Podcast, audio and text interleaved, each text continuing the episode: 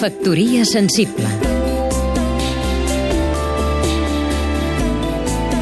Julià de Joda, escriptor Quan narrava les aventures dels grecs a Troia, el cervell d'Homer, el poeta sec, era una mena de cinta sense fi per on circulaven déus i semideus, herois i barcos, cavalls, tempestes i dones colpides per la tragèdia. Molt de moviment i poca emoció en la veu narradora, si no era per mostrar compassió per la fragilitat humana.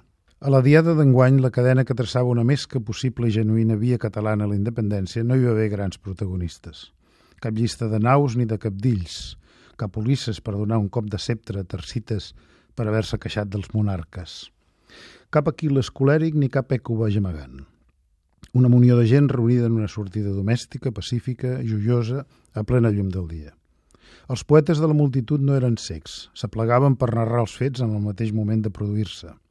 N'eren protagonistes i n'organitzaven l'escenari, el ritme, els detalls de vida, les anècdotes agraïdes, les pauses, les tensions i les necessàries sortides de mare, traçaven la via catalana cap a una Ítaca d'ara i aquí, sense dilacions i sense intermediaris.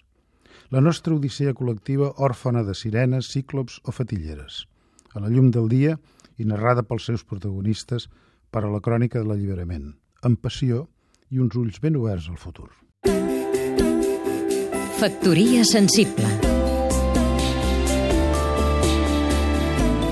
Seguim-nos també a catradio.cat